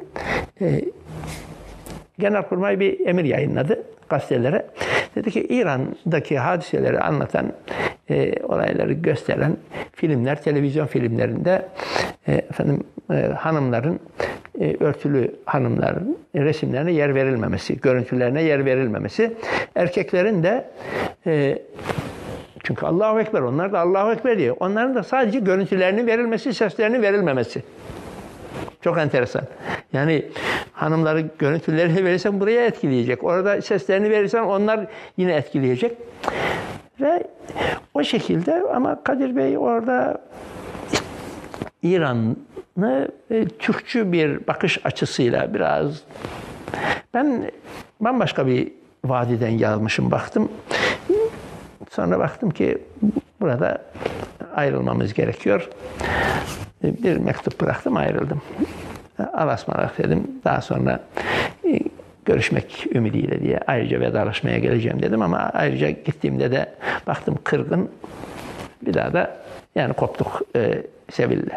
Ondan sonra iki ay kadar sonra falan e, ş- Şurada imzasız olarak veya imzalı olarak bazı yazılar yazdım ama e, Şurada fiili olarak çalışıyorum ama e, çünkü Kadir Bey bir rica etmişti. Kemal Şadoğlu vardı. Allah rahmet eylesin. O iyi bir zattı. Onun haber göndermiş. En azından başka yere girmesin. Yani bir şeyimiz varsa, e, hatırımız varsa e, ben de onun için Şura'da aktif olarak e, gözükmedim. Ama sonra Şura kapandı. Kapatılıyor galiba değil mi? Evet. E, Sonra Tevhid gazetesi, Tevhid diye bir gazete çıkaralım haftalık diye. Fakat e, orada sorumluluk e, benim üzerimdeydi. Ben aldım sorumluluğunu. E, ve ondan sonra da tabii Tevhid e, biraz daha, şura daha fazla e, nasıl diyelim e, yüksek sesle haykıran Daha sert. e, daha sert, daha şey. Net. E, tevhid ise daha çok e, haykırılacak yerlerde haykıralım ama daha çok fikri bakımdan sessiz ve derinden gidelim şeklinde de e, iki metodu da uygulamaya çalıştık. Yılmaz Yalçıner ayrıldı mı Tevhid'den? Yok ayrılmadı henüz. beraberdiniz yani. E, beraberdik. Sonunda e, onun üzerine ayrıldık zaten ve tevhid öyle kapandı. onun hikayesi ayrı. Efendim Şimdi tevhiddeki şey tevhid de haftalık yani şöyle düşünün e, kilosu gazete kağıdının kilosu 45 50 şey 50 56 lira. Biz e, şeyden kara borsadan. Biz gazete kağıdı alamıyoruz Seka'dan. Gazeteler 9 liraya alıyor. Biz gazetelerden e, 56 liraya şey alıyoruz. E, kağıt alıyoruz ve onunla da yine de yani 40 bin, 44 bine yükseldi haftalık tirajımız tevhidin. Her sayıda zaten kapatılırdı. Hemen hemen her sayı kapatılır. Biz de ne yapardık? Hemen gazeteleri basardık. Cuma günü basıyorduk mesela. E, çünkü e, çıka yayınladığımız gün e, basın savcılığına iki nüsha vermemiz lazımdı. E, kanun gereği. Biz e, Cuma günü basıyorduk gazeteyi. E, hemen o akşam Anadolu'ya gönderiyorduk. Akıncı teşkilatlarına vesaireye. E, Cumartesi, pazar, pazartesi, pazartesinin tarihini koyuyorduk. Gazete çoktan gidiyor, dağılıyor haftalık gazete. Biz pazartesinin şeyi var, tarihi var üzerinde. Pazartesi de saat 4'te falan gidiyorduk basın savcılığına. Efendim bugün işte yeni sayımız. Hemen savcılık şöyle bir iki bakıyordu. Toplatılmasına, Yıldırım e, emriyle bütün Anadolu'da toplatılmasına. Toplatılacak bir şey kalmıyor zaten. Nereden toplayacak? Biz de diyorduk ya şurada e, o ilk çamur gazeteler vardır yani rotatif dönerken renk ayrımı yapıncaya kadar, e, mürekkep ayarı yapıncaya kadar ki basılan kağıt. Orada kenarda dururdu şeyler, çamur halinde çıkmış gazeteler. Orada 40-50 tane koyun oraya derdik. Oradan polis gelirdi. Her sayıda gelirdi zaten alır giderdi. Ne yapacağım ben bunların hepsini götüreceğim derdi. Böyle bir şey olarak. Yani e, tevhid e, hızlı bir şekilde ve etkili de. Üstelik de Akıncılar Teşkilatı diyordu ki abi valla sağ olasınız bize gelir kaynağı oldu. Çünkü biz e, 20 lira farz mal koyuyorsak 12,5 liraya bırakıyorduk şeyi. E, Gazeteyi. e, gazeteyi. Ve bize 9 liraya falan mal oluyordu aşağı yukarı. E, bütün maliyeti kendi para şeyimizde yani ev kiramız, şunu bu çalışanlar 5-6 kişiydik zaten. Ve 9 lira 12 12,5 lira eh, onlar şey yapıyor. Gerisi de her gazete başına çocuklar heyecanla e, dağıtıyorlardı Anadolu'da. Diyorlardı vallahi lokalde biz çalıştırıyoruz. E, lokallerin parasını veriyoruz akıncıların. Efendim orada çorba parasını veriyoruz. Her birisini yani e, Bereketli bir şey olmuş. Evet. Ve birbirini destekleyen ve sonra tevhidde e, baktım e, e, şey e, Yılmaz e, bir gün biraz e, bir arkadaşımız atmış gazetede. Hem de şey çalışan çocuklardan. Gece gündüz çalışan orada İktisat Fakültesinde okurken abi dünya sallanırken, çalkalanırken benim okumam falan gereksiz falan diye gece gündüz orada çalışırdı. Niye dedim attı seni? Attı abi dedi. Bilmiyorum dedi. sonra Yılmaz'a sordum. Yılmaz niye attın dedim. Ben dedi "Ça- attığım insan çalışamayacağıma karar verdiğim insana atarım dedi. Ya kardeşim biz buna para vermiyoruz, bir şey yapmıyoruz. Bu çocuk gece gündüz çalışıyor heyecanla. Öyle attım demekle olur mu? Güya biz şer'i bir şey çıkarıyoruz yani. Şeriat benim mizacımı değiştiremedi diye bir söz söyledi. Dedim Yılmaz şu ana kadar e, seninle ufak tefek farklı görüşlerimiz olabilir. Ali Bulaç, e, efendim Hüsnü Aktaş, e, Yılmaz vesaire. Ama şeriat benim mizacımı değiştiremedi dediğin anda ayrı bir mecraya giriyoruz. Şeriat dedim sokaktaki herhangi bir Ömer'den Ömer bin Hattab'tan Hazreti Ömer yaptı. Nereden değiştiremedi şeriat bizim mizacımızı? Onun mizacı, Ömer'in mizacı neydi? Sonra geldiği nokta. Oradan dedim kusura bakma ya sen gidersin ya ben giderim dedim. Rahmetli Sa- Sadrettin Yüksel falan girdi. Necip şey e, efendim bizim e, Sedat Yenigün ve Beşir Eryarsoylar falan geldiler. Ya dediler bunu devam etmesi lazım. Dedim devam etmesi lazım ama böyle olmaz. Neyse sonra baktık olmayacak. Koptuk. Ve sonra hicreti çıkardık biz. Hicrette kim kimdiniz? Yani o da arada Yılmaz Hicret e. Yılmaz yoktu. E, tabii Yılmaz'ın e, mizampaj e, e, san- e, gücü vardı. Mizampajını iyi yapıyordu gazetenin e, vurucu şeyleri. Birinci sayfa, ikinci sayfa. Gazeteci o. E, falan. Biz bunu, benim kardeşim geçen sene vefat etti Kadir. Allah rahmet eylesin. O Allah rahmet eylesin. O işte Yılmaz'dan falan gördüklerini abi şu nasıl olur bunu böyle yapardık. Ama yani o zaman da 30 bin civarındaydı yine şeyimiz. E, 30 bin 32 binlerdeydik. Yine parasızlık yine şeyiz vesaire. Ama hicrette Yılmaz dışında e, Ali, e, Hüsnü, ben, Sedat, e, diğer Beşir Eyyarsoy, bazen Ahmet Arakça vesaire arkadaşlar böyle. Ama e, çok sıkıntılı oluyordu ama zevkli oluyordu. Çünkü hissediyorduk. Yani bir şey, hedefi vurmakta olduğumuzu, hedef edindiğimiz şeylere e, oklarımızı iyi attığımızı görüyorduk, hissediyorduk. E, ve ama sonra tabii parasız kaldık. Çünkü e, demişler ki e, şeyin parasını ödemeyin. E, teşkilatlara demişler ki e, partiden o zaman akıncılara parasını ödemeyin e, onların çıkmaması lazım. Biz de bir iki tane de eleştiri yaptıydık yani. E, Oy verme meselesiyle alakalı bir tartışma var zannediyorum. Efendim? Oy verme meselesiyle alakalı. O dönem o mesela- verme üzerinde de var öyle bir şey. ta- ta- Tavuk düzene uyuyor. Evet, direkt böyle manşetler var öyle bir mesela. şeyler var.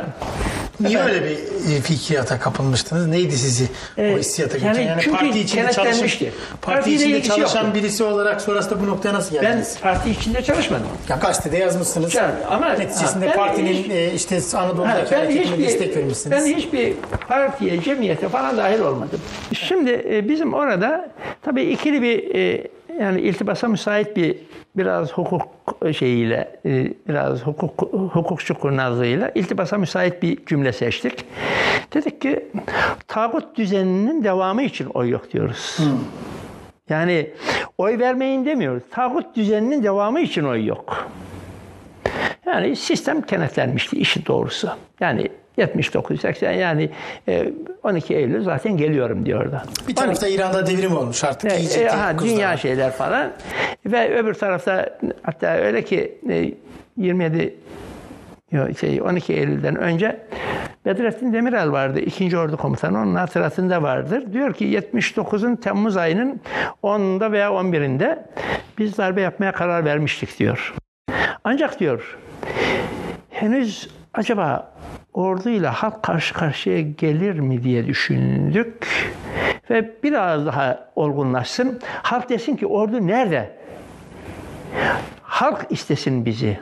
Ve biz öyle çıkalım dedi. Ve onun için erteledik 12 Eylül'de. 15 ay, 15 ay içinde de 5700 kişi öldürdü birbirini. Yani öylesine yani her gün İstanbul'da 20-25 kişinin öldüğü. Münferit olarak o orada öldürüyor, o orada öldürüyor. Hatta görüyorsunuz öldüren insanı e, ve kimse dokunamıyor. Adam çünkü bir tane de bir kurşun da sana sıkar. Adam tabancayı sokuyor şeyine e, Bayezid Meydanı'ndan Kumkapı'ya doğru koşarak iniyor. Ya kaçtı ya gö- kimse gidemiyor. Hiç kimse, üç, üç maymunlar denilir ya, görmedim, duymadım, bilmiyorum. Yani böyle bir sıkıntılı bir durum. Ve biz o şeyin içinde e, ısrarla o tağut düzenine, tağut şeyini özellikle vurguluyoruz. Tağut düzeninin devamı için o yok.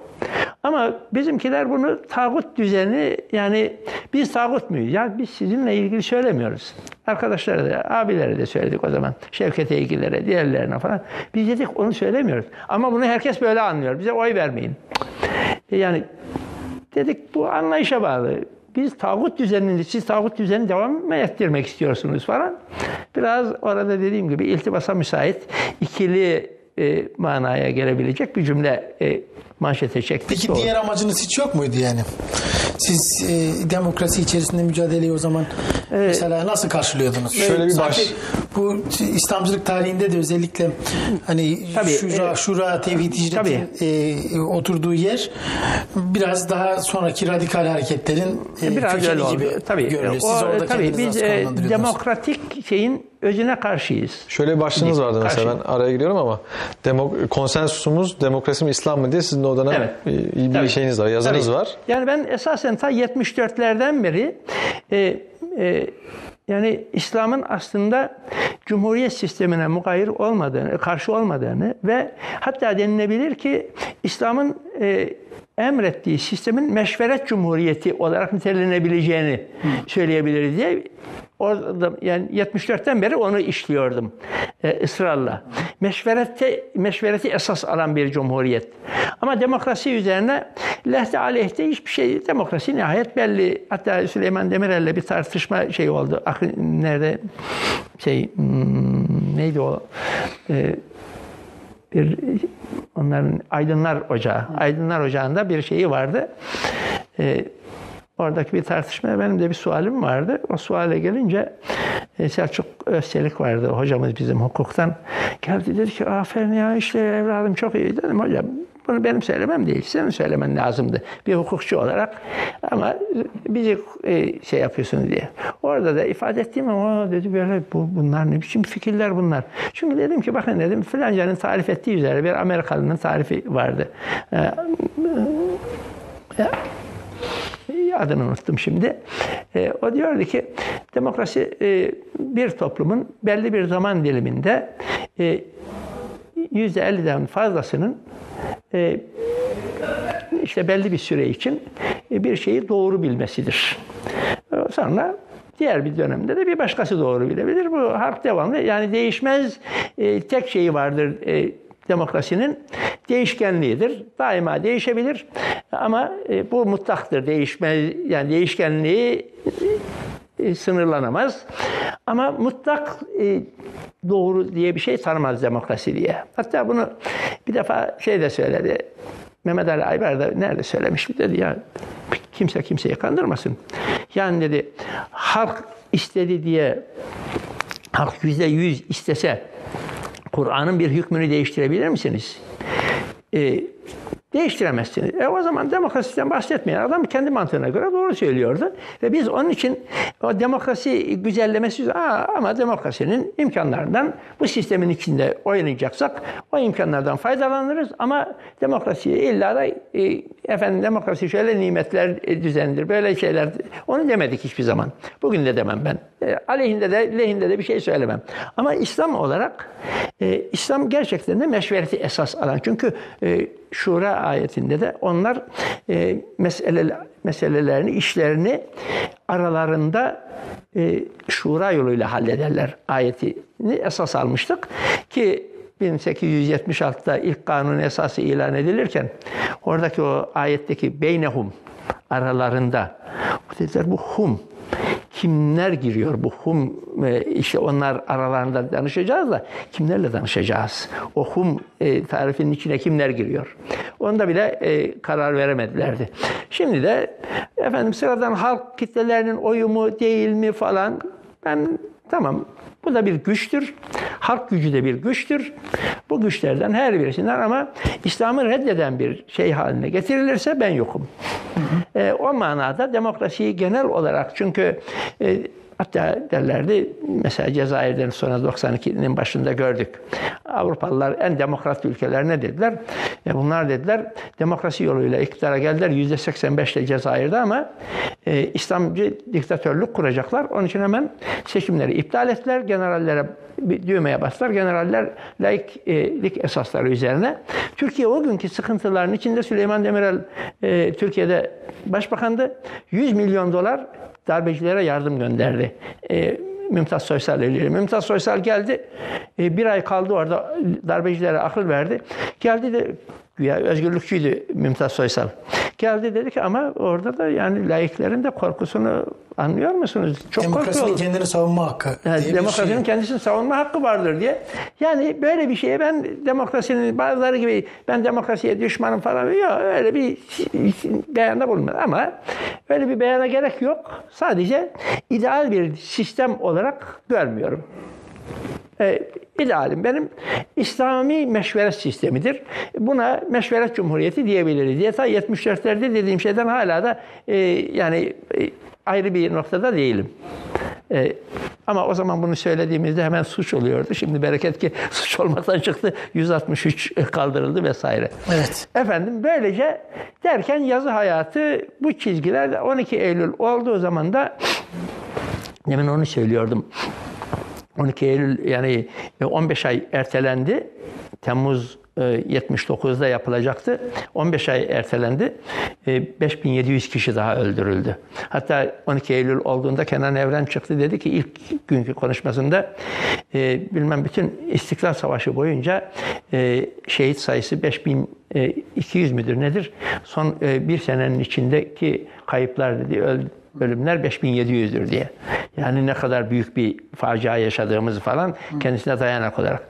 Ama e, onlar kendi sistemlerini kurdular. E, hemen tabii 60'ta ihtilali işte Atatürk ülkeleri ve devrimlerine bağlı. 71'de Atatürk ülke ve devrimlerine bağlı. Hep kurtarılıyorduk. Sonra 80'de yine Atatürk ülke ve devrimlerine bağlı. Sonra 97'de 28 Şubat'ta yine Atatürk ülke ve devrimlerine bağlı. Hatta 23'ten beri var olan bir 28 Şubat'tır bu dediler generaller. Bin yıl devam edecek bu falan. Yani Onların demokrasi anlayışları, onlar da demokrasi. Sonra demokrasinin e, yani bütün e, Doğu blokundaki Sovyetlerin çökmesinden önceki durumu da göz önüne alalım. Sovyetlerin çökmesinden önceki bütün Doğu bloku ülkelerinin her birisinin isimlerinde resmi isimlerinde Demokratik Alman Cumhuriyeti, Demokratik bilmem ne, Demokratik Kuzey Kore'nin de hala Demokratik bilmem nedir. Hepsi onlar da demokratikti. Neyin demokrasisi? Hangi demokrasi? Klasik demokrasi, müdahaleci demokrasi, askeri demokrasi vesaire gibi. Yani bizim generaller de darbe yaparlardı. Demokrasiden bahsederler. Demokrasi rayına oturtmak için falan diye darbe yaparlar. Demokrasi adına.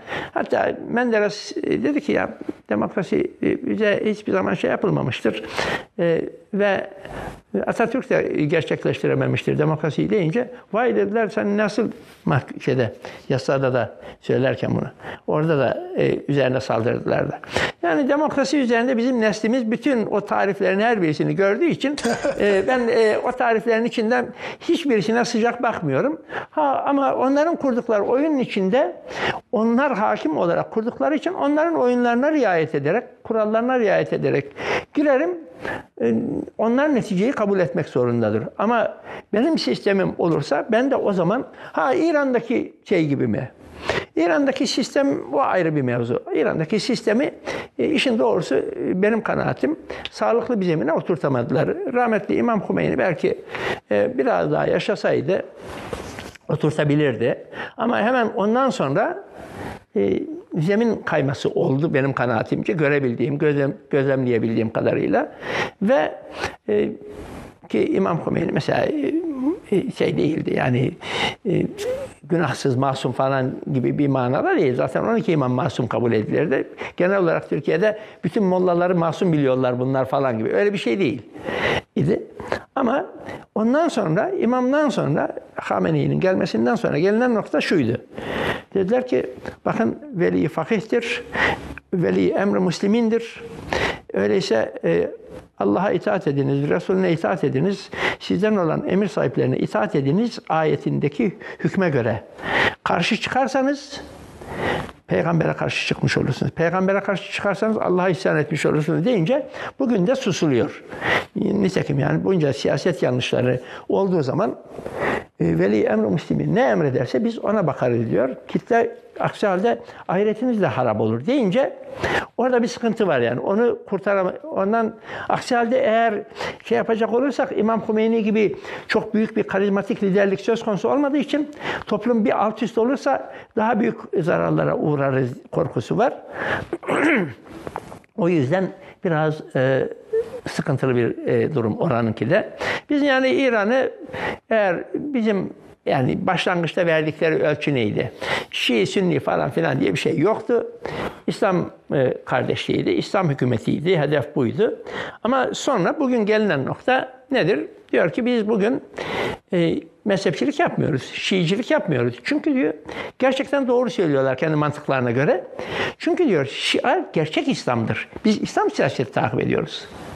Gerçek İslam olunca diyor, Şiicilik yapmıyoruz. Yani Şia'yı gerçek İslam. E bir tarafta da ehli sünneti de birileri aynı şekilde gerçek İslam, diğerleri İslam'ın yanlış ve sapık kolları deyince ya onlar ona sapık, onlar ona sapık diyor. Yani Şia'da ne diyor? Gerçek İslam Şia'dır. Diğerleri İslam'ın yanlış veya sapık kollarıdır. Ehli sünnet tamam diyor. Kabul etmek zorunda çünkü büyük kitle. E, beşte dördü belki dünya Müslümanlarının Sünni olunca, Sünni mezheplerinden olunca e, istemeye istemeye kabul ediyor ama gerçek İslam budur diyor. Ben de diyorum ki İslam'ı eğer La ilahe illallah Muhammedun Resulullah toprağında yetişmiş bir ağaç ve bu ağacın dalları Şiisi, Sünnisi e, falan filan her bir dalın kırılmasında her bir beden e, ağacın bedeni zarar görür. Ama siz buna hayır bu ağacın tamamı sadece Şia, gerçek İslam sadece Şiadır derseniz Evet. Yani problem orada. O onlar da onu yapıyor. Buradan da var aynı şeyler. E, sünnilik işte, diğerleri sapıklıktır falan.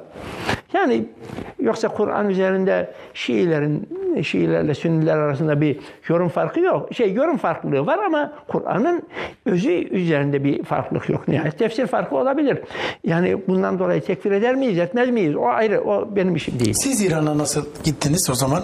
Ben 12 Eylül'den önce e, yani şeyi kapattığımızda e, hicreti. hicreti hicretin çünkü parasını ödemeyin diye e, Fehmi Cumalıoğlu'nun imzasıyla parti genel başkan yardımcısının imzası. Hicret galiba 21 sayı sürüyor. Evet. Öncekiler Ama biraz e, az. yani e, 28 bin 30 bin tirajımız varken iyi de gidiyorduk ve paramız gelmemeye başladı birdenbire. E, Posta çekleriyle geliyordu para ki e, 50 bin 60 bin dönüyordu. Ve iyi dedik yani bize yetiyordu. O para onun çarkı çevirebiliyorduk. Arkadaş gitti dedi ki abi dedi bu sefer posta çeki 4 bin lira gelmiş. Herhalde önümüzde bayram var dedik onun için gönderememişlerdir. İki sayı, üç sayı arka arkaya 4 bin 4 bin gelmeye başlayınca anlaşıldı dedik. Zaten birisi getirdi. Fehmi Cumalıoğlu'nun Allah rahmet eylesin.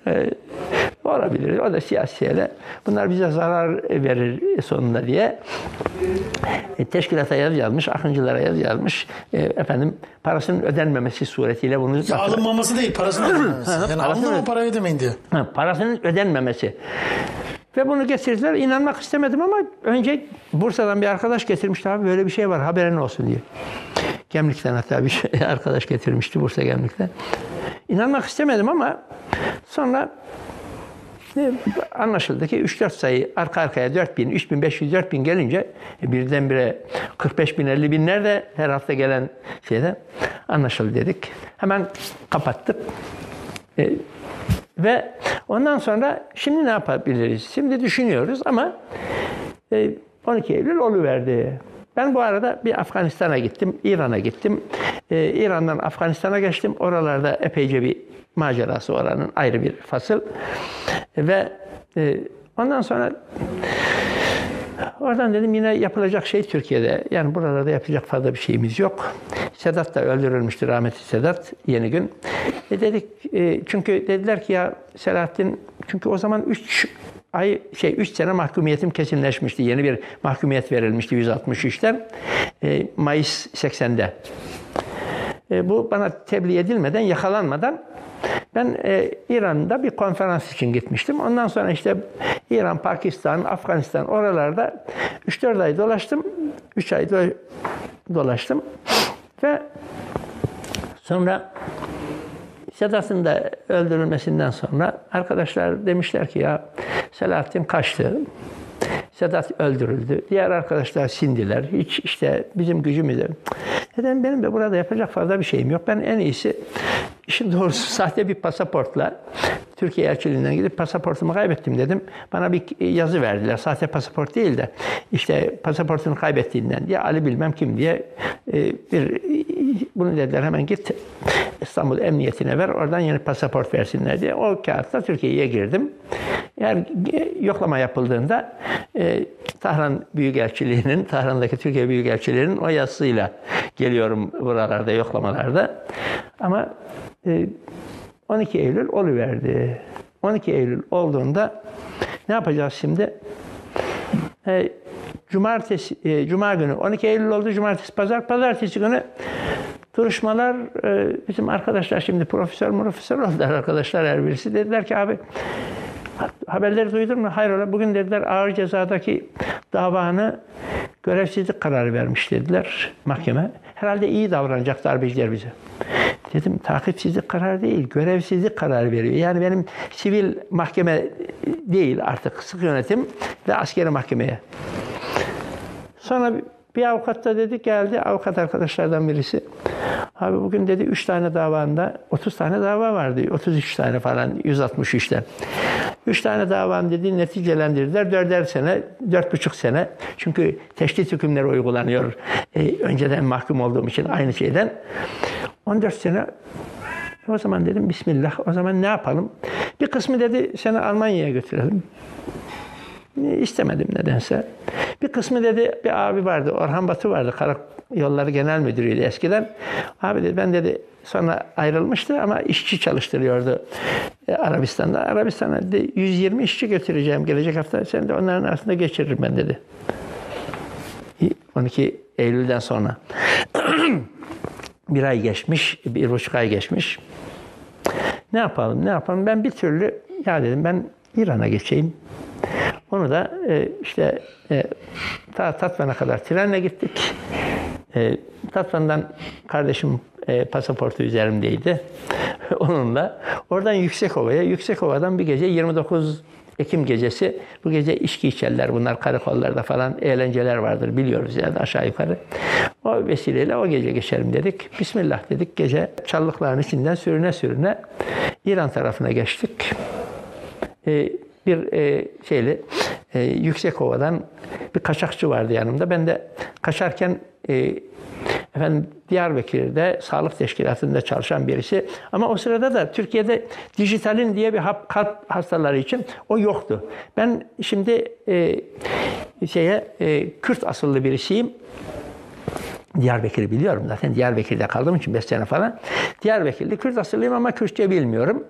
E, efendim ama e, dijital yollarda falan böyle kaçakçılar soruyorlar, sorguluyorlar. Kimsin, necisin, devletin adamı olmasın, bizi hani Tonga'ya düşürmesin e, falan. Yok ben dedim öyle bir şey falan değilim. Ben yalnız e, sınırdan geçeceğim. Oradan dijitalin e, bir valiz, dijitalin hapı alıp geleceğim ve Kürtlerimize hizmet edeceğim Diyarbakır'da. Bak kalp hastasından insanlar ilaç bulamıyor. Ben onu alacağım. İyi dediler. Biz de öylece o kaçakçılarla birlikte sürüne sürüne geçtik İran tarafına. Ondan sonra hadi Allah'a ısmarladık. Siz sağ ol, ben selamet. Oradan gittim e, Tebriz. Ama savaş başlamıştı. Savaş e, yani 40 gün olmuştu ve İran içlerinde ilerliyordu şey e, Irak ordusu. Çok tehlikeli şeyler. Ya o ateşin içinde oraya gitmek belki delilik miydi bilmiyorum ama e, burada hanımımla rahmetli hanımla kızım Kızım da 7 yaşındaydı o zaman. Onu bıraktım burada. Sonra ben geçtim. E, ve 3-4 ay sonra da e, kızımı e, ve hanımı rahmetli e, işte bizim e, rahmetli Muammer Dolmacı abi vardı, Kemal Unakıtan vardı. Her ikisi de rahmetli oldular şimdi. Onlar e, biletlerini almışlar, uçak biletlerini. Bir de havaalanından e, şey ayarlamışlar. Abi de geliverdiler, Tahran'a gelmişler, telefon ettiler dediler ki hanımın ve kızın burada. Nerede filan Allah Allah. Haberim de yok. Telefon yok ki bugünkü gibi. Benim nerede olduğum da bilinmiyor.